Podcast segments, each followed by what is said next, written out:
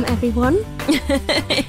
Er vi engelsk i dag? Nei, jeg tenkte jeg skulle være på et sånt fly. Ah. Hvor eh, vi liksom har sånn charterfeberfly, hvor vi sitter og er klar for ferie. Og nå skal vi cruise inn i forhold- og datingverden. Ja. Ja. Welcome on board Dating 501. The exit is Never, nowhere. No. nowhere to be found. You're trapped in this airplane. Åh, du er så mye flinkere enn meg. Nei. Men oh, velkommen til ny episode av Sexløs og singlish. Mm. I studio så finner du Martine. Martine hey. Onsdag. Ons, ons. Ons Ons, og her er Ank Ank. Ella Åse Anker heter jeg. Og i dag, Martine, så har vi fått et tema tilsendt fra en lytter. Yes. Det skal har vi. snakke om eh, fuck zone. Ja, for det er tydeligvis en greie. The fuck zone. Vi er der i datingverden. Jeg har vært vekke fra markedet i to år, og ting skjer raskt, Mm. for å si det mildt. Man bør liksom ha en egen ordbok over hvilke begreper er det som er gjeldende i dag. Og nå er fuckzone. Har du hørt om det før? Nei. Men jeg kan jo skjønne hva det går ut på, da. Ja. Men du har vel lest deg opp på internett, du har gjort hjemmeleksen? Hei, det har jeg, og jeg gikk inn på privat visning for å søke dette opp. For jeg tenkte sånn der, jeg kan liksom ikke gå gjennom Google-listen min, og så kommer det opp fuck zone, sånn tilfelle det liksom kommer opp masse, masse porno når jeg søker på dette. Mm. Men det gjorde det ikke. Google var fullt av informasjon om uh, the fuck zone, Ok. så dette blir spennende. Men hvorfor er det så mye engelsk? Kan ikke vi kalle det noen ting på norsk? Pulesonen! Ja, Å, og nå er du i pulesonen! Å nei. Nei. Nei. Husker du sone to? Eh, Sone to. Ja, TV altså, 2? ja, ja, sånn Ja, sånne Etter, og, etter eh, Var ikke det sånn etter eh, skoletid-greier? Ja, nå? Jo, det er godt mulig. Litt sånn Mest-TV-aktig. Ja. Ja. Hva gjorde de i Sone to? Hæ? Hva Nei, gjorde var de ikke Gaute Sone to? Grøtta Grahl som var sånn eh, programleder der, da? Er det Før han ble med på Farmen? Ja, What? tror du det. Og han satt der og gjorde sånn crazy ting? Eh, nei, han bare satt der og hadde sånn etter eh, Men jeg husker ingenting av det. Mm. Så vi skal ikke avlede innpå der. Men vi skal i hvert fall snakke om Fox Foxzone i dag. Mm. Og, men først så vil jeg vite hvordan det går med deg. Oh, Hva skjer i livet? skjer i hvordan livet? går det med innflytting? Ja, nei, det er bare en uke igjen til overtakelse, så jeg bruker jo all fritid til å vaske ut av forrige leilighet. Boden er full, så det blir en sånn uke denne uken også. Men eh, jeg holder meg oppe med god mat og små gleder. Men føler du deg hjemme i den nye leiligheten? For dere har jo bodd der nå en, noen En uker. uke. En uke. Ja, ikke så mye mer enn en uke, men jeg føler at jeg har bodd der lengre, så det, det føles jo godt, egentlig. Um, kommer ganske på plass, så jeg er egentlig ganske fornøyd med egen innsats, at vi er over, uh, over kneiken da, nå er det levelig å bo der. Mm. Selvfølgelig mye å gjøre, men uh, sånn er livet. Altså, jeg føler meg på plass, da. Mye å gjøre, men gøy. Ok, så Også, hvordan er arbeid... Ja, unnskyld. Mm. Nei, kom an, kjør på. Hvordan er arbeidsfordelingen deres? Hva er det dere gjør? Han skror, Han skror? ja, og jeg rydder. Okay. føler jeg. Selv om han er egentlig bedre til både skru og rydde. Men um, ja, jeg har liksom vært ansvarlig for malingen. Uh, nå er jeg mest ansvarlig for utpakkingen, fordi at han skrur opp skap til den store gullmedalje. Og så vasker jeg ut av forrige leiligheten. Men der har jeg også fått hjelp av venner, og det, det har så mye å si. Mm. Det har så mye å si, det er mye, så mye kjekkere. Altså, jeg tror at de siste to månedene har vært slitsomme, ikke fordi at jeg har hatt veldig mye å gjøre, men fordi at jeg har vært litt sånn deprivert fra sosial om omgang som jeg vanligvis er. Hvis du skjønner hva jeg mener. Mm. For jeg har som regel et veldig sånn tett opplegg, men eh, jeg har liksom ikke vært nok med venner. Men nå begynner venner å komme tilbake igjen, og da kjenner jeg at da, da er vi oppe og nikker. Å, det er så deilig, det. Det er det. Eh, og eh, jeg gleder meg sånn skikkelig til jul nå. Ja, er du klar for det? Mm. Har Det er to du uker eh, Guri, hvor ligger vi an nå? Det er tre uker til desember. Ja, Snart bare to uker. Snart bare to uker til desember. men jeg kjenner så veldig på den der jeg, åh, jeg gleder meg til ferie og bare sitte inne og se på TV og spise godteri og Mm. være med familie, spille spill. Sitte bare og ha liksom ingenting å gjøre. Jeg Mm. gleder meg sånn til den biten. Jeg òg. Og for, nå kommer jo huset vårt òg til å være veldig ferdig til jul, så det blir så deilig. Skal dere feire der? Nei, det blir ute hos mamma di. Ja. Men bare den juletiden Jeg har jo, du vet, jeg, jeg har kanskje sagt det, men jeg opprettet jo sånn arrangement eh, for en måned siden. Mm. For første jule, juledag. For det er, nei, første desember, det er jo en søndag. Oh, ja. Da skal vi ha baking, eh, meg og mamma og mine to søstre. Å, så kjekt. Mm. Oh, det er en veldig god tradisjon. Ja, jeg tenker det, og nå falt det liksom perfekt på en søndag. Og da var det Mm. sånn, det må vi bare gjøre. Å, det høres kjekt ut. Men hvordan går det med deg? Du har eh, mange baller i luften. Ja, og jeg tenkte liksom eh, Nå denne uken her skal det gå rolig for seg. Forrige uke var ikke like Det sa du forrige forrige mandag også. Ja, jeg gjorde det. Eh, forrige, forrige uke så klarte jeg det sånn noenlunde. Men eh, denne uken har jeg vært, eh, kommer rett fra Fjordline i dag. Mm. Så jeg har vært eh, på Fjordline hele helgen med 90s-party. Med 5000 med 5000 Bergen med jobben min, og det var faktisk overraskende gøy. Mm. Jeg gikk jo inn der og var litt småskeptisk, for å si det sånn, Mm. eh, på Harryfaktoren. Ja, jeg fikk noen snaps av deg hvor du var litt sånn å jøss. Ja. Where am I? Ja. Men eh, fy flate for noen fine folk. Og de er jo så karakterer hele gjengen, vet du. Sant? Og så uhøytidelig. Eh, det skal sies at de liker å drikke litt mer enn meg, men utenom det, loves it. Men var Virkelig. dette radiolyttere, eller var det mer liksom folk som Nei, vanligvis tar Noen av de var jo radiolyttere, så var det sånn 'Martine! Hei, Martine!' Og bare, Mhm. Hei, ja, jeg vet ikke hvem du er. Og så bare sånn, det var det en som sa 'Hei, Martine, hvordan går det? Hvor er Kjellemann?' Jeg bare, «Eh, jeg bare 'Beklager, det er ikke meningen å snakke til deg som jeg kjenner deg, altså, men det føles sånn ut'. Oh. Så det var jo veldig kjekt. det er kjempekjekt. Men om dere arrangerte sånn at det var radiolyttere som var med på turen, eller Nei. var det liksom de som Ok. Så det, vi hadde liksom snakket litt grann om det i forkant, men eh, nei, dette var Jeg vogger ennå, kjenner jeg. Det går sånn vogger fram og tilbake. Jeg ble jo så sjøsyk, måtte gå og legge meg Nei. i går. Så det var ikke noe sånn uh. Partyløve. Nei. Nei. Ikke i det hele tatt. Um, men uh, ja, um, hvordan skal jeg si dette her, da? Uh, det var jo veldig mange menn der, Mm. og damer, og um, ja. Um, hvordan Jeg ble lagt an på en del, for å si det sånn. Oh. oh ja da. Hvordan uh, sjekker folk i dag Um, på Fjordland? Nei, han ene ba meg om å opp til dans, Mm. så det var jeg med på. Ja. Jeg tok jo robotdansen, da. Han ble veldig imponert. Oi. Um, og så Nei, det var egentlig sånn småprating og liksom sånn eh, Ja, egentlig same old som på byen. Mm. Men han ene, han var veldig på. Og det verste var at når jeg så han første gang, så tenkte jeg han var pen. Mm. Men um, Må jeg bare passe på hva jeg sier. Men da tenkte jeg han var pen. Og det, selvfølgelig så forfulgte jo han meg. Jeg vet ikke hvordan han eh, Jeg vet ikke om han har plukket opp eh, Jeg tror ikke det. Oh, du Men han Jeg kødder ikke. Jeg møtte han i gangene, møtte han med baren, og til slutt endte jeg opp med å tenke han var ikke pen i det hele tatt. mm. Um, Åh, det er så kleint, det. Når du liksom legger merke til at de dukker opp alle stedene Alle. du er. no fuck, altså det var sånn Plutselig så sto, jeg med baren, så plutselig så står han ved siden av meg i baren, og sånn så, det. Mm. Så til slutt så begynte jeg å snakke sånn Når vi begynte å snakke sammen, og han eh, ville vite mer om meg, så fortalte jeg veldig fort om kjæresten min, og vi holdt på å pusse opp, og han er så handy, og viste han bilder og sånn. Mm. Så Lurt. ja. En fin måte å liksom avvæpne situasjonen. Dette ja, her jeg tenkte jo det, men det verste er at etter det, så um, satt jeg, og da visste han jo da at jeg Mm. hadde kjæreste. Så sitter jeg, og så um, har jeg hånden min oppå armlenet, sant? og så sitter han da på andre siden der igjen, og så kjenner jeg sånn pirking, og så, så snur jeg meg, og så er han bare 'sorry, jeg klarte ikke å dy meg'. Jeg bare ok, uh, tar ned sakte armen igjen, og bare snur meg rundt og later som jeg snakker med noen, liksom. Men uh, nei da, det var en artig tur. Men kommenterte du på det? Jeg ser deg overalt i gangen. Nei, gud, nei, jeg kan ikke legge opp til sånn, og det hadde jo vært veldig åpenbar flørting, hadde ikke? Nei, jeg har, eh, altså, jeg, jeg har sagt det en gang. Jeg husker jeg var på en jobbfest for lenge siden, og så var det på en måte en som jeg hele tiden møtte på, sånn i baren og på do, og så hadde jeg møtt eh, på han på gaten, altså en jeg ikke kjente da, men som hadde snakket med han andre jeg gikk med. Og så møtte jeg han igjen når vi skulle gå ut, eh, og da sto det med noen jeg kjente, og så sa jeg litt sånn, gud, jeg ser jo deg overalt. Og vet du hva han svarer? Ja, det er ikke så rart, for jeg har vært på TV. Å ja. Så sa jeg sånn, vet du hva, den skal ikke du få engang. Jeg skal si at jeg aldri sett deg på TV, men jeg mente i dag, da. Sant? Mm. Jesus. Litt, og det er kleint. Mhm. Oh god. Tenk hvis jeg skulle sagt det, da. Ja. Jeg hadde sikkert sett meg på singel. Jeg husker den ene, den ene sesongen da jeg var med, jeg hadde sikkert sett meg der. ja. Nei, just oh, no. Ja. Ikke gjør det. Nei. Men, men så, ja, det var artig på Fjordline, og så, ja, nå er jeg sykt gira på å være hjemme igjen, for Adrian har blitt ferdig med benken i vinduet. Oh. Han er så fin, og han har laget sånne hull, hjertehull, som der ventil liksom skal være, og eh, det, altså, den var nydelig, den benken. Åh, det høres ut som Carrie og eh, Heter ikke han Adrian også i Sex og singelliv? Når han lager en sånn Aiden. Ja, Aiden heter Ja. han! Ja. Og så er det sånn kjærlighetsblenk han lager Ja. til eh, Charlotte og Ja, stemmer det. mm. Nei, altså, det blir godt å komme hjem og se han i dag. Jeg har savnet han helt sykt. Jeg føler jeg har gått og snakket om han hele helgen. Så Ja. um, godt å savne hverandre litt, da. Så fint for vennene dine.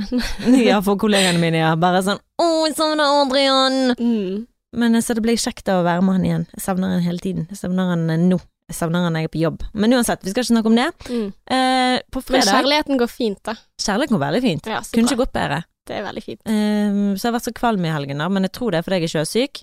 uh, ikke gravid. Nei, Nei? ikke det. Nei, det håper jeg ikke. Tror ikke det. I så fall så hadde det skjedd veldig rød nylig, men jeg tror ikke det. Er du gravid? Nei, jeg tror ikke det. Nei. Krysser fingrene. Ja. ikke tid for det ennå. Neste år, eller? Da kan vi være vårt år. Ja, du mener det? Kanskje. At neste år, da, da er vi klare begge to? Ja, Er det din spådom? eh, jeg føler det. Jeg Ja. føler at 2020 er året. Ok, hvem eh, Oi, 2020 Kødder du? Det er jo to måneder til 2020. Ja, det er rart. Fy faen. Nei da. Men Da kan vi eh, begynne å prøve. hvem, hvem blir først av meg og deg? Du. Gjør jeg? Ja. Nei, det tror jeg ikke. Jo. Tror du det? Ikke? Men er det sånn at du da kjenner konkurranseinstinktet hvis jeg hadde Nei, men jeg hadde følt på at jeg har lyst til å forte meg fordi at jeg har lyst til at vi skal få barn samtidig. Du, det hadde passet så bra. Mhm. Oi, gud, tenk på den podden. Yes. Da kan vi gå gjennom de der sammen. Derfor jeg syns det er greit å høre på Anette og Emil, for de går eh, gjennom alle disse her barna barn og la, la, la. Mm. Eh, blir litt mer relaterbart da. Men eh, ja. Så nei, ingen baby ennå. Nei. Men vet du hva jeg skal på fredag? Hva skal du på fredag? Da skal jeg være med i noe som heter Friends, the one where everyone drinks. Oh. Og det er da på Lille Ole Bull klokken 11, så sent som 11 faktisk. Mm. Eh, så hvis du kommer og, rett fra forspill, så kommer alle, jeg føler alle kommer til å være drita da. Men det er sånn eh, improteater, er det ikke? Jo, improteater, og så tar de utgangspunkt i serien Friends, da. Og så tar de en episode hver gang. Oh, så jeg skal gøy! få lov å være med på dette. Å, hvem skal du være? Um, jeg kom jo med forslag i den der gruppechatten, så frekk som jeg er, bare 'Jeg har veldig lyst til å være hun', og de bare sånn 'Ja, sendte meg, vi har allerede Det er lagt opp, det er sikkert holdt det planlagt for lenge siden', sant. Eh, er Jeg det vil jo gjerne være søsteren til Rachel. Haha, du hadde passet til deg. Ja. Men hvem av de? Hun, eh, hun, hun blonde, hun er Oh my god! Ja. Ja. Nei, men de er blonde begge to. For ja. det er både Eh, hun der som blond. Ja, hun, ja. ja. Mm. Reece Reese Witherspoon. Witherspoon. Hun hadde vært gøy å være. Men jeg skal i hvert fall være regissøren, og jeg skal ha en sånn bitte, bitte, bitte liten rolle, men jeg skal være med. Eh, regissøren på um, Å, Joey sitt teater. ja. Når Joey da blir eh, teaterstjerne og forelsker seg i Kate, Mm. så skal jeg være regissøren. Ja. Ja. Så jeg skal bare leve meg inn i de eh, Jeg har sett brås, sett gjennom manuset, Mm. så da skal jeg virkelig gjøre den rollen som jeg har som regissør. Ja, for det, poenget er at dere får manuset til en Friends-episode, og så Mm. skal dere spille den ut som om at man er alle disse karakterene. Ja, og så er det sånn drikkelek og ja, så skal man drikke sikkert hver gang. Nå har jeg aldri sett dette her før, så det blir jo veldig nytt for meg òg. Oi, så spennende. Ja. Men er det nye folk som hele tiden får lov til å være med på dette? Jeg tror det er nye sånne her eh, sånn biroller, sånn som jeg skal være i, at det er nye sånn, men det er liksom en kjernegruppe som er Friends-gjengen, Mm. og så har de da biroller innimellom, sant. Um, Så gøy. Ja, jeg er veldig håper jo at du som hører på, har lyst til å ta turen. Blir veldig, veldig glad om vi klarer å fylle opp huset. Det er plass til 200 stykker. Mm, hva koster det? Å, nå spør du godt. Ja, nei, men det er jo greit å vite, sånn med tanke på penger og sånn. Ja. Eh. For å reklamere litt ekstra, da. Er det studentpriser, er det sånne ting? Skal vi si ledige billetter? Nei, akkurat nå trykket jeg feil. Så klokken 11 på Lille Ole Bull På fredag. på fredag. Ja. På kvelden, altså, ikke på dagen. Nei. Da ser Eh, du 150. 150. Det er ikke så dyrt! Nei, Nei. det kan vi leve med. Mm. Så det skjer da. Lille Ole Bull klokken 11. Håper du kommer til å være der. Og hvis du har lyst til å sjekke opp i det, The One Where Everyone Drinks, Friends heter det på Facebook. Ja, men du, hvor mange linjer har du, på en måte? Jeg har ikke lest gjennom hele manuset, men eh, du vet jo han er regissøren. Er ikke det han drittsekken, da? Jeg kommer Er ikke ikke på hvem det var. For jeg tror det er en mann. For du vet Kate, sant? Ja, jeg vet hvem Ja. Kate er. Og jeg mener han var som- den der eh, Ja, ja nå dere At han var liksom sur fordi de ikke gjorde det godt nok og sånn. Jeg tror det var Å, han. du skal være en sånn suring. Suring, ja. Yes! Åh, det har jeg lyst til å få med meg. Men dette her er jo da i forbindelse med noe som heter Uprøvd, som vi har i 5000 Bergen. Mm. Og da hvor vi tester og er innom forskjellige mm, eh, scener, og eh, gjerne sport, sant. Sport og Oh, Derfor vi har testet karate, tennis, vi har vært innom noe trail, hvor vi kjørte motocross. Oi, helsiken. Så nå er det da at jeg skal teste teaterscenen. Oi. Mm. Vet du hva, det blir så spennende. Ja. Herregud, for en gøy jobb. Ja. Å komme seg inn på det der. Mhm. Åh, jeg har også lyst. ja, sant? Mm. Lykke, jeg vet Lykke hører på, så Lykke eller har lyst til å være med. Å, det hadde vært så konge. Nå skal vi over til dagens tema. Mm. Skal vi dykke inn i Har du lyst til å introdusere? Ja, eh, vi har jo da en eh, lyr, en eh, som Det er jo en av dere. Jo, vi kan kalle henne for eh, Gi meg et navn. Line. Line. Line. Line har sendt en melding, og har da datet en kar Mm.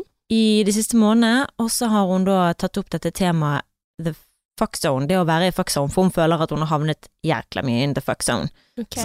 Da, du har jo googlet dette på det store internett, Ja. men jeg går ut ifra at det handler litt om det å gå på date med en fyr, og så ligger man sammen, og så er man sånn, hvor skal dette? Mm. Og så tør man gjerne ikke å stille det spørsmålet, så man havner i the fuck zone, som man ikke finner ut av før man faktisk spør, eller før de sier du, bare så du vet det, dette er bare ligging etter kanskje, jeg vet ikke, x antall måneder. Mm. Eh, og hun sendte jo melding og fortalte om en fyr som eh, hun hadde da datet et par måneder, han bor i, i et annet, i annet land. Eller annen bydel, det har ikke så mye å si, men avstandsforhold i alle fall. Har du lyst til å lese meldingen? Som han sånn sendte. Nei, eh, gjerne liksom problemstillingen hennes. Oh, problemstillingen, Hvordan legger okay. hun fram the fuck zone? Hun skriver Hei, kjære sexløse singlish. Podkasten som føles ut som en bestevenninne. Oh, stop it! Utenom to korte flings har jeg nesten utelukkende møtt på menn som har puttet meg i det jeg nylig lærte heter en fuck zone. Vi dater og henger og hooker som vel er vanlig i starten av noe, frem til det dukker opp en frase slash melding eller lignende der ordlyden er slik at det var underforstått at dette kun var ligging. Alle gangene har jeg sittet igjen med følelsen av at jeg ikke engang var verdt å bli innlemmet i spilleregler, og dum som ikke skjønte at han ikke var interessert i mer. Mm. Så kan dere være så snill å ta opp dette fenomenet, for jeg lurer på om det er det andre som opplever dette. Eh, er det bare en konsekvens av konsekvens Tinder-dating som jeg bare må lære å leve med, eller gjør jeg noe riv ruskende galt i denne datingjungelen? Men du er i hvert fall ikke dum. Nei, herlighet, dette her er jo noe som jeg tror vi alle er kjent med. Jeg er jo veldig direkte av meg, sant, så jeg eh, Jeg tror ikke jeg har havnet i den hvor jeg har jeg tror jeg på et eller annet tidspunkt har tatt opp, eller at Ja. Mm. Um, ja.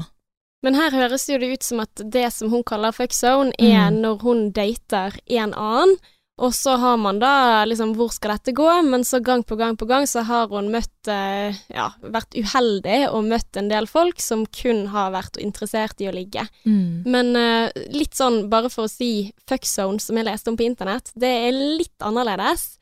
Uh, det liksom sammenlignes mer med friend zone, altså det hvis du er venner, altså, eller hvis du dater, og så er det den ene parten har bestemt seg for at nei, dette var bare et vennskap, Mm. eh, hvor utgangspunktet er date, men så blir det vennskap istedenfor.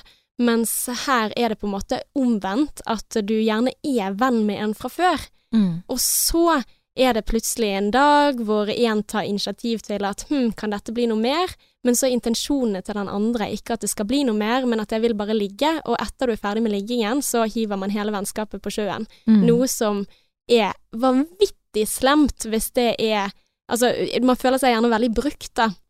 Hvis du har en god venn, og så tenker du at eneste grunnen for at du var venn med meg, var at du egentlig ville i buksene mine, og nå når du har fått det du ville ha, så er du borte. Har du så- opplevd det? Nei, men det er det fuck zone eh, Mm. handler om. Mm. Uh, eller på internett, da, så er det det som står om uh, fuck zone, noe som beskrives som en veldig sånn skitten taktikk, da. For her virker jo det på en måte som at de dater, og så eh, utvikler det seg litt, og så er det en av partene som ikke vil mer, og så er det på en måte Så bruker de en sånn linje om at dette her var jo bare ligging, hæ? Altså, og det, det tenker jeg er ganske slemt, det også, for da, da får jo du den andre til å føle seg dum, og får den andre til å føle seg brukt. Altså, i hvert fall det der hvis det kommer fram at det har vært spilleregler hele tiden som hun ikke har forstått. Mm. Men uh, den fuckzone som jeg leste om på privatnett Altså, den uh, har jeg ikke opplevd selv, men jeg har jo hørt om andre hvor det har skjedd at man har hatt et vennskap, og så blir det til ligging, og så ødelegger det hele vennskapet. Men uh, denne versjonen her er jo snakker jo om en eller annen ganske slem part, da, med intensjoner hele tiden om at det var greien. Mm. Og da tenker jeg det er ganske slemt også å ditche vennskapet, hvis det på en måte ikke var romantiske følelser i tillegg. Men ja. mm. Så det er i hvert fall fenomenet, da. Ok, ja, men hun skriver i hvert fall her eh, En fyr for ikke så lenge siden brukte ukevis på å få meg i seng. En uke senere fant jeg ham med to chicks i sengen. Oi. Og sier det hun har flere sånne lignende historier, da. Eh, og hun skriver det virker på meg som at det er en slags sannhet at jenter egentlig ikke vil ha sex, og derfor må lures til det. Mm. Og der kommer alle denne hyggelige, søte oppførsel i forkant inn. Istedenfor Mm. at man får være med på å sette premissene for relasjonen, blir man litt sånn uvitende med på noe. mm. Ja, det høres jo litt ut som fuck zone. Ja, men, altså, men jeg tror det her er rele relevant for dating generelt. Jeg tror det er sånn, jeg. Mm. Um, at man gjerne går på date, og det blir ligging, og så vet man ikke helt, og så er det sånn Nei, jeg var ikke interessert i noe mer enn å ligge. Mm. Men bør man da være tydeligere på eh, Tinder på forhånd? Altså, Ja, men, her, ja, men det, selvfølgelig bør man det, og det vet jo menn òg. ja, men så tenker jeg litt sånn også, men er det sånn at begge parter bestemte seg for disse spillereglene på forhånd? For det er jo ganske vanskelig å si da, når du møter en ny person, ok, denne nye personen vil jeg bare ligge med. Altså, for jeg, for jeg tenker jo at det er noen ting som utvikler seg eh, etter hvert. Altså, du har vært på en date, jeg vet ikke hvor dette går, og så går det i én retning, og så tenker du ok, det var kanskje det jeg var interessert i, men det å si før du møter personen ok, nå vil jeg bare se etter sex, det, det tror jeg på en måte veldig få har et bevisst forhold til det.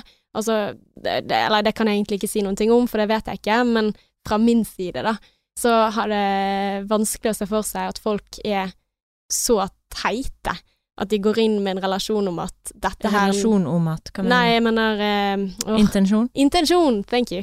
Uh, intensjon om at nå skal jeg bare ligge. Eh, Selvfølgelig er det mange som gjør det. gjør de det? Ja. Ja, men mange som jeg hører som går inn med den intensjonen, tenker jeg gjør det for å tøffe seg, og så finner de plutselig en kjæreste. Jeg har en kompis som alltid sier sånn 'Å, nå skal jeg bli singel, nå skal jeg ligge med mange', og så ender han opp med en annen jente og blir forelsket i henne, og så blir det de. Ok, ja, for jeg har mer eh, Det som jeg har hørt av fra en eh, nær person, det er jo det at han eh, var veldig tydelig da, fra dag én om at eh, dette er bare ligging, sånn at du Mm. vet det. Hvis ikke du er interessert i det, så er det helt greit, så kan du bare gå. Ja. Det er det fair. Eh, men han var veldig tydelig på at dette er det jeg er interessert i, og han var helt ærlig om det, fordi han gjerne så at La oss si du ligger sammen en gang, da, og så um, er det jævlig god kjemi i sengen, Mm. og det er bare åh, dette her er amazing, men denne personen er helt uinteressant, Mm. så jeg har jo ikke litt lyst til å bygge et forhold med dette mennesket. Mm. Så da blir det rett og slett det at man Men eh, hvordan kan man vite det basert på én date og ett Jeg kan veldig fort finne ut av det. Ja. Det kan jeg veldig fort finne ut av. Men det er jo forhåndsdømming, altså. Nei, det er bare du mennesket kjenner, eller du vet hva som funker for deg. Jeg Mm. føler at jeg har hatt veldig rett hver gang jeg har tenkt at dette her er egentlig bare en Og det er jo menn, selvfølgelig, som jeg har hatt god kjemi med, som jeg har tenkt jeg har lyst til å bygge et forhold med, men det er ikke basert på at dette er en god person, dette det er kun basert på kjemi. Mm. Um, og veldig glad for at jeg ikke endte opp med de, Mm. for det hadde ikke gått. Men den Så- historien du hadde med den ene personen som var veldig tydelig på dette, hvordan gikk det? Hvordan tok den andre det? Ble det fortsettelse av dette? Hvem? Den personen som sa sånn 'dette her er bare ligging'. Å ja, nei, men det var ikke til meg, Nei. det var til en annen. Men hva, hva gjorde den andre i det tilfellet? Nei, noe han sa, noen ganger så ble det mer, og andre ganger så eh, var, gikk, ville ikke de mer, da. Mm. Så det var som det kunne gå begge veier. Men jeg føler jo litt at hvis noen hadde introdusert den tingen der, så er det sånn OK, challenge accepted! Og det er jo som regel sånn det, men da har du i hvert fall sagt ting Altså, jeg har jo vært der hvor jeg ville ha bare ligge med fyren, og så endte det opp med at han ble forelsket i meg. Mm. Men det var sånn, hallo, jeg var jo veldig tydelig på dette fra dagen, og det, jeg tror det er det som mangler her, men er for feige til å si at det er kun dette jeg er interessert i. Eller så kan det være at de, som jeg sa, at du eh, ligger med de eh, et par ganger og finner ut at hm, jeg har ikke så veldig lyst til å forlate denne liggingen, for det er veldig bra, Mm. men jeg har ikke noe lyst til å bygge forhold med denne personen, så jeg bare holder ut og er litt feig og sier ingenting om at jeg er bare interessert i å ligge, før Mm. den andre personen tar det opp.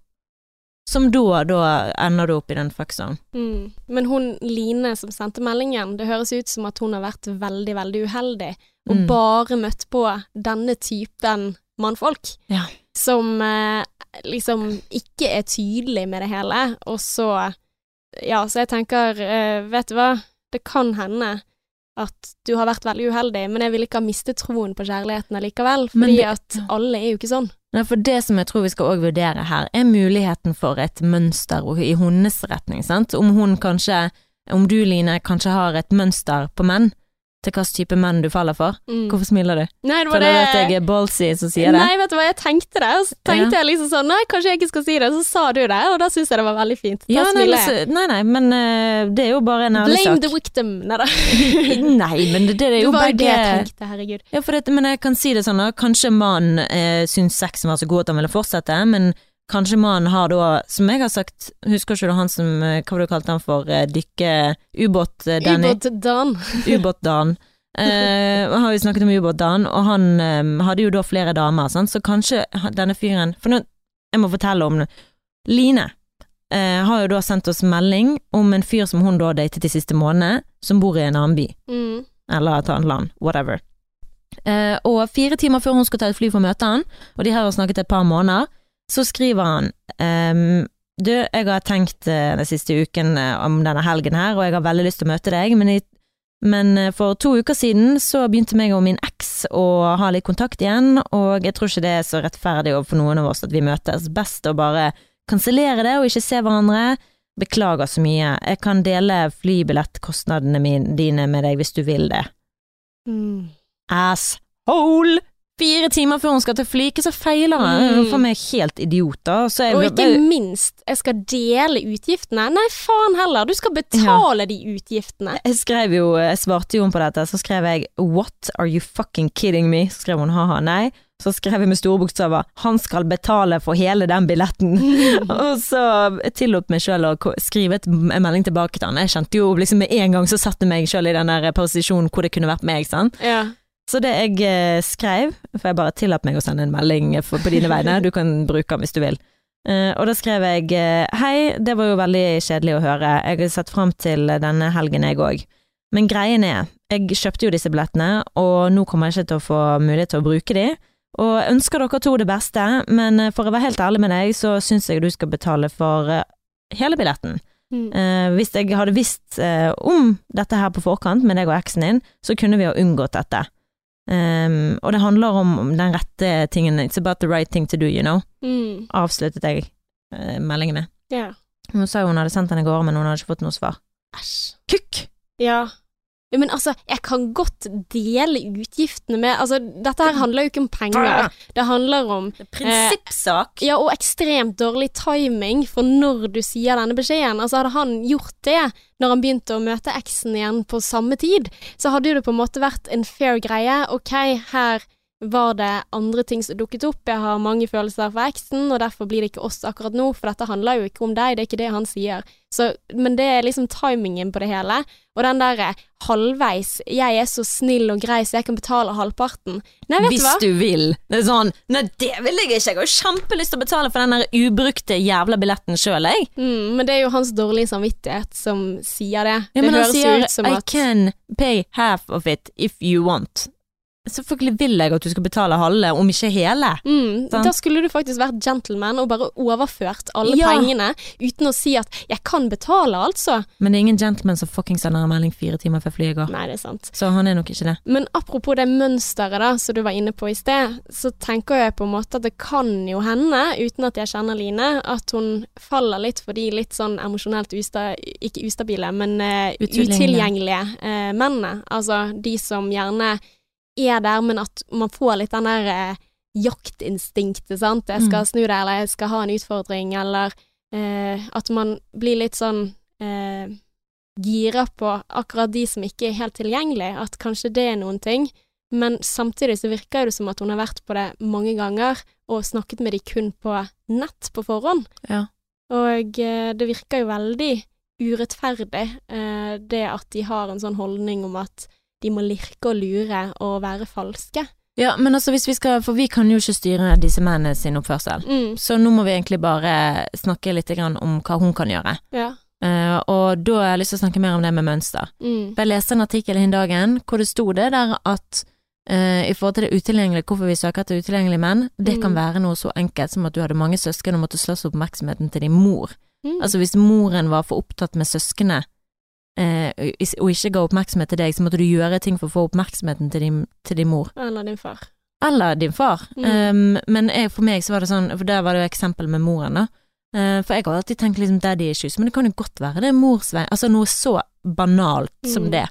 Men der er jo det på en måte hvordan tidlig tilknytning former hvordan vi tilknyttes senere. Ja.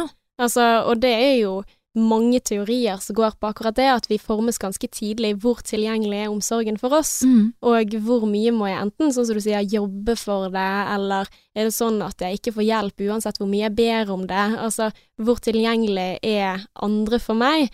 Og da kan jo det hende, sånn som du sier, at det kan være søskenforhold, eller at, at det er det som gjør at du hele tiden tror at jeg må jobbe ekstra for å få det til. Jeg, har fortalt, jeg, har fortalt, jeg vet ikke om jeg har fortalt deg det, men eh, jeg husker spesielt én gang hvor mamma var i telefon. Mamma var ofte i telefon og snakket med søsken, og hun er jo fra Molde, og de Mm. bor jo i Molde. Så eh, jeg vokste jo opp med mamma var veldig mye i telefon med folk, og en gang så hadde jeg så lyst på oppmerksomheten hennes, at, eh, og meg og min søster holdt på å slåss og sånn som det der, på gulvet. Jeg latet som jeg hadde brukket foten. Jeg grein for at mamma skulle bli ferdig i den telefonen. Eh, Vi fikk lege på hjemmebesøk. Oi. Og jeg gikk rundt og haltet i den jævla stuen. Oh. Dagen derpå kjørte vi inn til byen, vi bodde i Øygarden. Okay? det er Mm. la oss en time fra Mm. byen da, sentrum. Uh, og bare for å sjekke opp i den der uh, foten min, som overhodet ikke var brukket på noe som helst måte. Uff, stakkars deg, så er det så vanskelig å gå ikke meg, det er over. Jo, bare du sånn, sånn utspekulert liten drittunge som skal teste grenser, eller teste hvor eh, mye sant? Men det er jo litt sånn i forhold til det som vi snakker om. mm. Eh, Men at du må gå rundt og halte, for det er liksom for seint når du først påstår at jeg har vondt i foten, så må du på en måte spille det helt ut. Det er liksom Men når sluttet du å halte? Nei, det, altså, jeg fikk jo beskjed om at her var det jo absolutt ingenting. Eh, Men vi kunne få leie krykker hvis vi ville det, men eh, jeg fikk jo fri fra skoledagen etterpå, sant? for jeg skulle jo opp til lege med mamma. Nei, så Takket du ja til krykkene? Nei, jeg kunne jo Nei. Um, jeg tok ikke Det ble ikke noen krykker. Mm. Nei. Men jeg gjorde noe tilsvarende. Gjorde du? Ja. Men da var jeg voksen. Ok. Jeg, altså, jeg trodde at jeg hadde fått noe rusk på øyet, eller jeg trodde jeg hadde fått glass på øyet. For det gjorde vondt, for jeg byttet en lyspære, og så datt det noen ting ned, og så var jeg på en måte sånn OK, shit, jeg må på legevakten. Og så sier jeg til kjæresten min å, vi må på legevakten, du må bli med. Men når vi sitter på venterommet, så kjenner jeg på en måte plutselig litt sånn etter, så tenker jeg hvilket øye var det igjen? Men, men og da, da sitter jeg der og bare venter og tenker sånn OK, når uh, Dette er jo flaut, for nå har vi sittet her så lenge, og hvordan skal jeg si til han at jeg ikke er helt sikker på hvilket øye det var? Og så blir jeg kalt inn, og så sier jeg på en måte å, det var det øyet, sant, og så dropper de noen sånne greier inn i øyet og undersøker, og sier tilbake igjen vi kan ikke se noen ting. Og da syns jeg det er så flaut å si at jeg har sittet der i en time allerede hvor jeg ikke kjente en dritt, så jeg kunne ha gått herfra. Så da sier jeg på en måte ja, men det gjør veldig, veldig vondt. Og bare nei, Du må men dra den litt lenger, du. ja, jeg gjør det, for det tør jeg ikke å si ifra. Og så eh, skal jeg gå da, og så spør jeg han legen, og så spør jeg um, er det sånn at jeg skal gå med sånn lapp nå? Og så spør han vil du ha en lapp? Så jeg ja takk. Og jeg kommer ut med lapp på øyet, selv om jeg ikke kjenner en dritt. Men det er bare for den der eh, vanskeligheten å gå tilbake igjen på det jeg har sagt og trodd, og ja, flauheten. Jeg gikk med lapp i eh, et døgn, jeg. Gjorde du det? Ja, jeg gjorde det. Altså, men hva skal du gjøre, da? Jeg vet ikke. Nei. Men det er morsomt. Dritpinlig. Men det er jo liksom sånn, så det er noe i hvert fall man kan gjøre, for man kan virkelig ikke um, styre disse mennene man dater sin, sine handlinger. Mm. Så da må man, det eneste man kan gjøre i en sånn tilfelle, det er å se liksom sånn, hva er mønsteret her, hva er den røde tråden? Eh, for jeg har jo selv vært der hvor jeg har vært interessert i utilgjengelige menn, Mm. og det var jo Adrian nok til en viss grad, selv om han var ikke utilgjengelig, men han ga meg aldri den der eh, å, jeg elsker deg og forguder deg, Mm. sant? Han var veldig sånn, nei, vi tar det så det kommer, ta det så det kommer. Du fikk aldri den der røde, den der eh, premien, sant? Du fikk aldri den jævla premien. Den bekreftelsen fikk han aldri. Mm. Eh, men nå har jeg endelig fått den, da, så nå er det bedre enn noen gang. Sant? Så nå føler jeg liksom meg trygg, men det har tatt jævlig lang tid før jeg fikk den. Mm. Men kanskje, hvis hun ønsker mer åpenhet fra de fra starten, Ja. kanskje hun skal være mer åpen om hva hun ser for seg, sant? Fordi at din eh, Altså, det om det blir noe mer, skal ikke bare ligge på den andre. Nei. Du må også finne ut hva det du vil ha. Mm. Er du interessert i den personen, eller er det bare det at du skal ha den premien? Sant? For det kan også være en sånn greie man spiller etter, at det kanskje man blir sånn falskt forelsket i folk bare fordi de er vanskelig å få. Og så prøver man og prøver og prøver, og så er det kanskje ikke helt det du så etter heller, men kanskje du kan være tydeligere på at hvis du finner noen som du virkelig liker, si det til dem. Yes. Så nå har vi funnet to ting her. Og det ene er at du kan se på mønsteret ditt, se inn i fortiden din, se for forholdet til foreldrene dine. Har du mommy eller daddy issues, se på de. Eh, prøv å løse det. Jeg har jo prøver hele tiden å jobbe med mine ene, egne daddy og mommy issues. Um, så ja, de er der. Men um, jobb med de, og nummer to, som du sier, vær tydelig fra starten. På date nummer to med min kjære, så sa jeg det til han når vi var i Amsterdam, Mm. uh, for da så jeg at han hadde Tinder ennå, Mm. mobilen hans, og jeg Åh. ikke og tenkte på den jævla Tinderen, for jeg slettet jo med en gang Ja, ja. happen eh, som jeg hadde. Og da sa jeg det, bare så du vet det, så er jeg eh, bare ute etter å date deg. Mm. Jeg vil ikke date noen andre. Og hvis at du Jeg vet ikke hvor du ligger an i løypen Mm. på det, men eh, eh, jeg er ikke interessert i at noen av oss skal date noen andre. Mm. Og da slipper man å få den etter to måneder. Du Ja. forresten, det var innforstått hele tiden at dette var sex, sant? Mm. Altså, ja, stopp det, ta det tidlig, og si det hva du er ute etter. Du trenger ikke virke desperat, for jeg tror det er frykten, da. Mm. At man skal virke desperat, men det er bare sånn, det viser bare at du er sterk. Mm. Og at du tør å stå for det du mener, og hvis han da sier nei, jeg var bare ute etter sex, bare sånn ok, så hyggelig da, da kan du gå og finne noen andre, for det er ikke jeg interessert i. Snakkes i bakken. Ja, bare stå opp for deg sjøl, vær sterk i det du vil. Drit i om du går glipp av denne fyren, men du, har, du kan ha kjemi med flere. Du, du, du trenger ikke denne ene mannen, sant. Det tror jeg, sånn som du Line, vet veldig godt. Eh, for du har jo vært med flere av de, så du vet jo at det er flere fisk i havet for deg. Mm. Så bare vær tydelig med de fra dag én. Hvis du skal gjøre noe som helst for å bryte dette mønsteret som du da har havnet i, og ikke skjønner helt hvorfor du har havnet i, det du kan gjøre, det er nummer én, sjekk opp i dine egne issues. Har du noen issues med mor eller far? Hva kan du gjøre for å jobbe med de? Eh, og nummer to eh, er jo da å um, Være tydelig være på hva du vil ha. Ja, og det handler bare om å bli kjent med seg sjøl. Ja. Å være glad i seg sjøl, og ja. Men å sette litt Vite- krav til ja, andre, vite, da. vite hva du fortjener, Hva og ikke finne deg i bullshit. Mm. Drit i de der jævla mennene som ikke er, er interessert i deg. Mm. Hva faen skal du ha de for, da? Du kommer ikke til å finne det du ultimate Altså, er de interessert, så er de interessert, og da kommer de til å være der. Hvis ikke de er det, så kommer de til å vise det til deg. Mm. Men det er liksom Altså, jeg har litt lyst til å gå til hennes spørsmål om er dette her noen ting som er en dårlig konsekvens av Tinder-dating? Altså, jeg, jeg tror ikke at dette kommer av Tinder. Jeg tror at dette har vært en problemstilling som alltid har fantes. Altså, det hvis du møter noen, så kan det være eh, altså uoverensstemmelse over hva partene vil ha i denne relasjonen. Eh, men jeg tenker med Tinder, sånn som Jeg har aldri vært på Tinder, så jeg skal ikke si det for sikkert, men jeg er ganske sikker på at jeg også har vært i tidligere relasjoner hvor jeg har villet mer enn den andre. Men med Tinder så opplever jeg det at når de få gangene som jeg blir lagt an på, holdt jeg på å si, av, eh, av eh, fremmede som jeg møter i random settings, så har jeg faktisk opplevd ganske flere ganger at de ikke prøver seg på å ligge. Altså, jeg kan møte noen, en jeg kom på, som jeg møtte i en bar, eh, som var liksom interessert i å snakke, det var en venn av en venn. Og så spør han liksom ikke, han prøver seg ikke på den der eh, hei, deg og meg i kveld, liksom. Han spør kan jeg være så snill å få spørre deg ut på date? Og det føler jeg på en måte er en endring i positiv retning, at man faktisk eh, ja, ser fram i tid, da, at kanskje folk har blitt flinkere til å spørre ut på date. Det skjedde aldri når jeg var singel, at noen spurte sånn hei, kan, kan jeg få lov til å be deg ut, eller Altså det er en sånn høflighetsgreie, at det er blitt litt mer sånn amerikanifisert, at det er mer vanlig å date, og at uh, folk har fått mer selvtillit til å spørre folk ut, da. Så det tenker jeg på en måte er en positiv ting med Tinder, at det er eh, det er mer eh, akseptert, da, å date folk. Mm. Som jeg syns var en fin ting. Mens eh, for ti år siden jeg var singel, så var jo det aldri noen som spurte meg på date. De Ja, om spurte ligge. om å var jo 18, Ja. sant? Det er litt vanskelig å si, for du har ikke vært singel når du har vært på den alderen du er nå. Når Mm. du var 18, så var det heller ikke vanlig å gå på date. Jeg gikk ikke på date med min første kjæreste, jeg heller. Det var Nei. sånn at vi hang hjemme hos meg.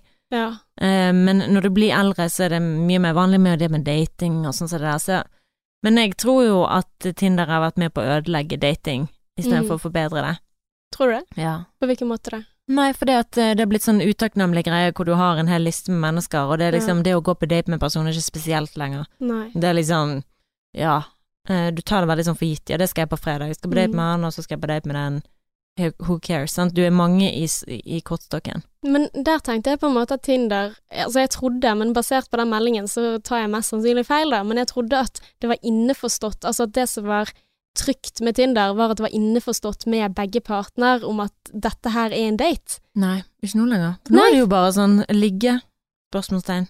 Eller Og det, og det kan jeg ikke skjønne, for jeg tenkte liksom at det var en positiv ting, da. Mm. Sånn at man slipper den der eh, at den ene vil være venn, mens den andre vil noe mer, eller den ene vil ha et vennskap hvor det er ligging, mens det er ikke noe mer forpliktelser enn det. Altså, men den eh, uavklarte greien, at Mm. den er annerledes på Tinder, for da er det et skript på at vi to skal på en date, og så skal vi se hvor dette går. Mm. Men det at disse type menneskene som hun skriver om, lurer seg inn på Tinder også, og lurer til seg eh, bare kjappe ligg uten å være tydelig på det, det er skikkelig dårlig gjort, altså. Det er feigt. Ja. Det er det. Altså, man får lov å gjøre hva man vil, men bare være tydelig på det. For det, jeg mener, mennene er feige som ikke sier noe om hva de er ute etter, og Mm. damene er feige for ikke kreve hva de vil. Mm. Jeg eh, var veldig tydelig hvis jeg hadde bare lyst til å ligge, men jeg var tydelig hvis jeg hadde lyst på noe mer, noe som var særdeles sjelden, for det var veldig usikkert og veldig skummelt med disse mennene som hun kanskje snakker om, så er de sånn fuckboys, som jeg ikke er helt til å stole på. Men de har den alfaheten med seg, sant. Det er litt Mm. sånn, de er mandige, de er litt sånn spennende. Ja, for jeg lurte litt på det. Hva er forskjellen på den liksom sånn sneaky personen som vi beskriver her, Mhm. og den som går på en date og finner ut at 'jeg var ikke interessert i noe mer allikevel'? For det, det er jo en annen beskrivelse av samme type handlinger. Men det kan jo være det samme, det kan jo være den samme personen. Ja. Det kan jo være at eh, de ikke mener å være sneaky, men vi oppfatter det som sneaky. Mm. Det kan være at de har eh, rene intensjoner om at eh, kanskje det kan bli noe, mm. men så finner de ut at denne personen som jeg sa i sted, syns jeg bare det var digg å ligge med, mm. og har ikke noe lyst til at det skal bli noe mer, men det er veldig vanskelig for meg å si det, for jeg har ikke lyst til å slutte å ligge med henne. mm. Eh, Men så kommer det kanskje til et tidspunkt hvor man føler at nå er jeg ferdig med å ligge med denne personen. Mm. Jeg vet ikke. Og så da blir det vi som hauser det opp og gjør de til store stygge ulven, fordi at det gjør det bedre for oss å komme videre. Ja, Med litt så Og så sinne. istedenfor å på en måte ta litt ansvar sjøl og tenke sånn, ja, men hva har jeg krevd? Hva har Mm. jeg egentlig sagt til denne personen som gjør at de kan vite hvor de har meg? Mm. For det, vi har jo et ansvar sjøl òg, sant. Det er det samme med mm, skal vi si, ubeskyttet sex, sant. Vi kan ikke Mm. bare forvente at mannen skal spørre oss. Altså, vi må ta litt ansvar sjøl. Mm. Kan åpne den jævla døren sjøl, eh, bildøren, Mm. eh, og vi kan eh, kreve hva vi er ute etter, eller i hvert fall si hva vi er ute etter. Mm. Helt greit om den personen da vil gå videre, men da vet du i hvert fall det. Jeg husker jo han eh, fyren som dobbeltdatet meg, hvor jeg Mm. sa at jeg er ute etter å date deg, og jeg orker ikke å bli køddet med. Mm. Eh, hvis du er ute etter det, så Men så gjorde han det likevel. Så gjorde han det likevel. For en ræv. Men hva faen kan du gjøre med det, da? Men, eh, Men der har jo du vært tydelig med dine intensjoner, og da kan vi med sikkerhet si at han er en ræv. mm, Og vi kan med sikkerhet si at han der som eh, avlyser fire timer før flyet går, og du har pakket kofferten din og Mm. klar til å reise, og sier at 'å, beklager, det blir ikke oss denne gangen, jeg kan kanskje betale for halve billetten'.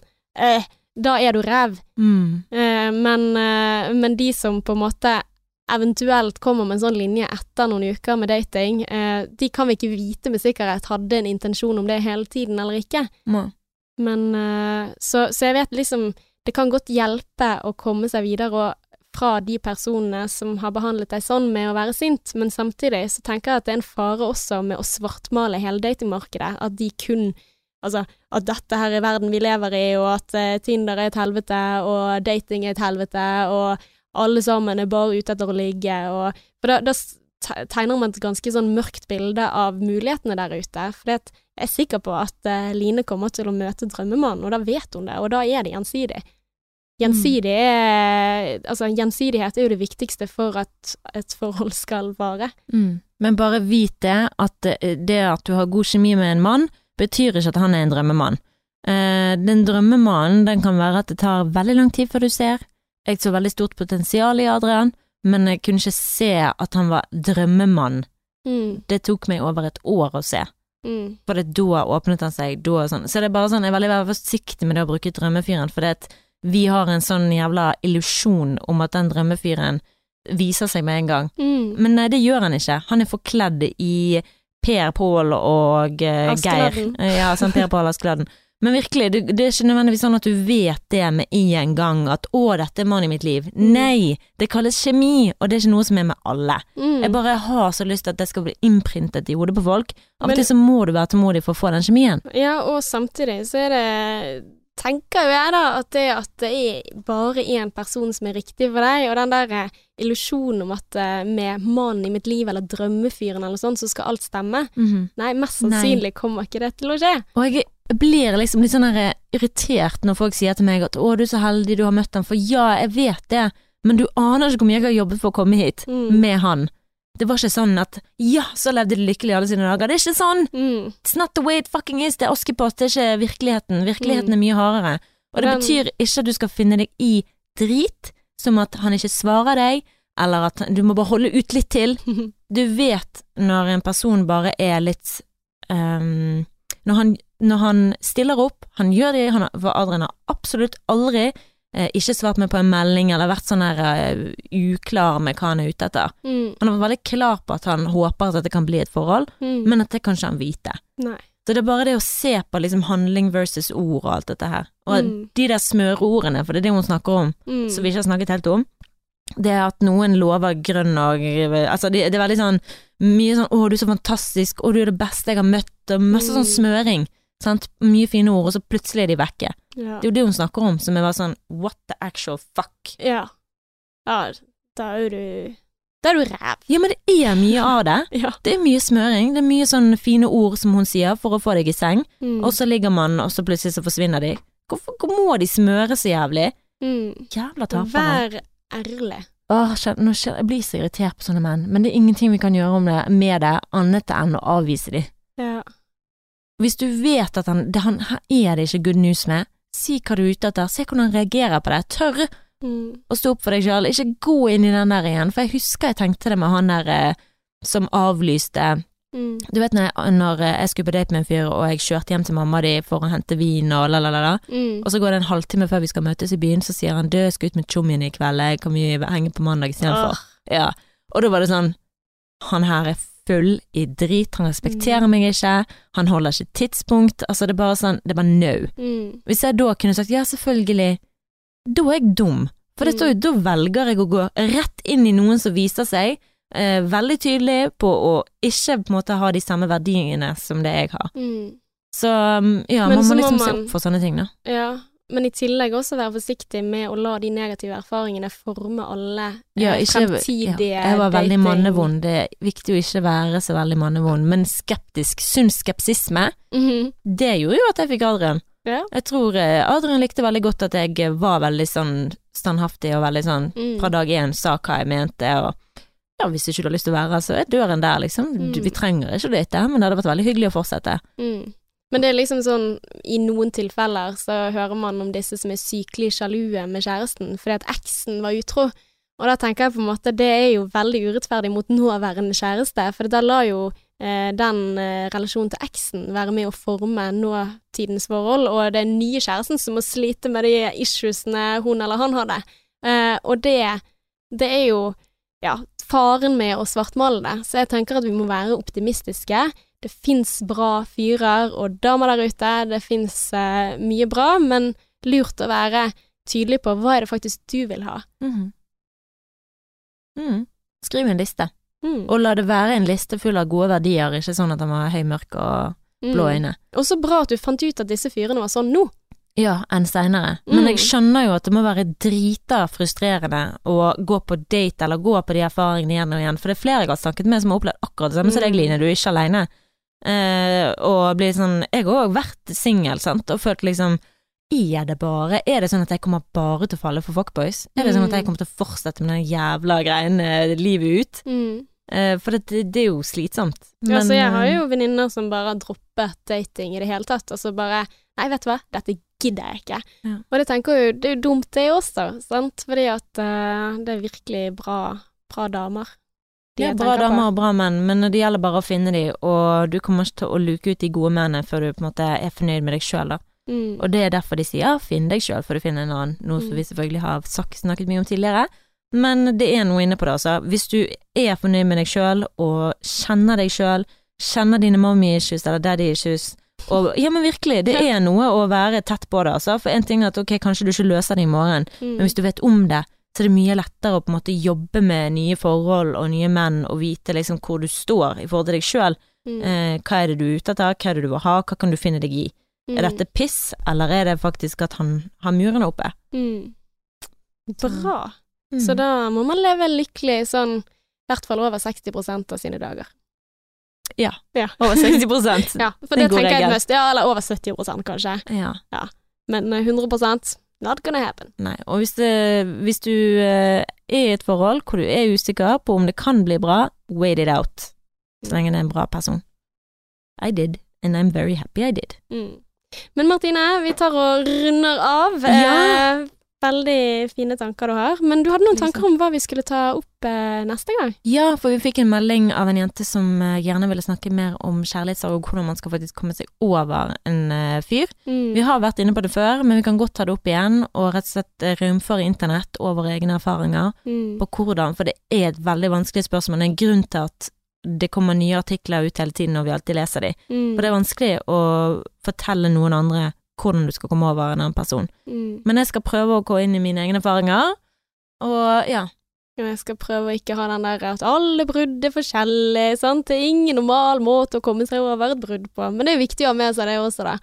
Tenker jeg. Altså, Ja. for jeg tenker jo det umiddelbart at eh, det denne sammenligningen er litt giftig, på en måte. Men uh, finne noen gode triks, Ja. det skal vi gjøre. Se litt inn i sorgen, og så håper jeg også at vi opplever noe morsomt til neste gang også, så det ikke Ja. blir en helt tragedie av en eh, episode. Nei, jeg håper ikke heller. Men det er bare til å gå inn og følge oss på Instagram. Vi heter Sexløs og singlish. Kom med temaer dere vil vi skal ta opp. Har du en opplevelse, en erfaring du har lyst til å dele med resten av eh, Noreg og våre og singlish-lyttere, Mm. så er vi veldig takknemlige for det også. For det, at, eh, det er jo en ikke til å legge ut under en stein at vi er i forhold, og hvis ikke du kommer med dine singelproblemer, så Mm. blir det mye forholdssnakk. Ja, og da, da lærer ikke vi oss nye ord, sånn som fuck, Fuck zone og shit-testing og Ja. Ubåter og ja, det ene og det andre. Ja, men det, er- det er mange begreper der ute, så vi har mye å ta tak i. Jeg føler liksom aldri at vi går tom for ting å snakke om, selv om vi har vært innom ikke. det før. Absolutt. Så vi har mye å lære. Så det er gjerne, herregud, har du noen eh, erfaring med kjærlighetssorg og hvordan du har kommet deg over en person, gjerne Mm. gå inn og fortell det til oss på Ja. Sexless English eh, sin eh, Instagram. Og eh, vi blir veldig glad hvis du har lyst til å vote på oss på iPhonen din. Hvis du hører på oss hver uke og ikke har gitt oss en stjerne, så gi oss gjerne det inne på Mm. iTunes. Og ikke bare én, vi vil ha fem. Vi har fem stjerner. Mm. Men until next time. Until next time, Honey Bunny. XOXO.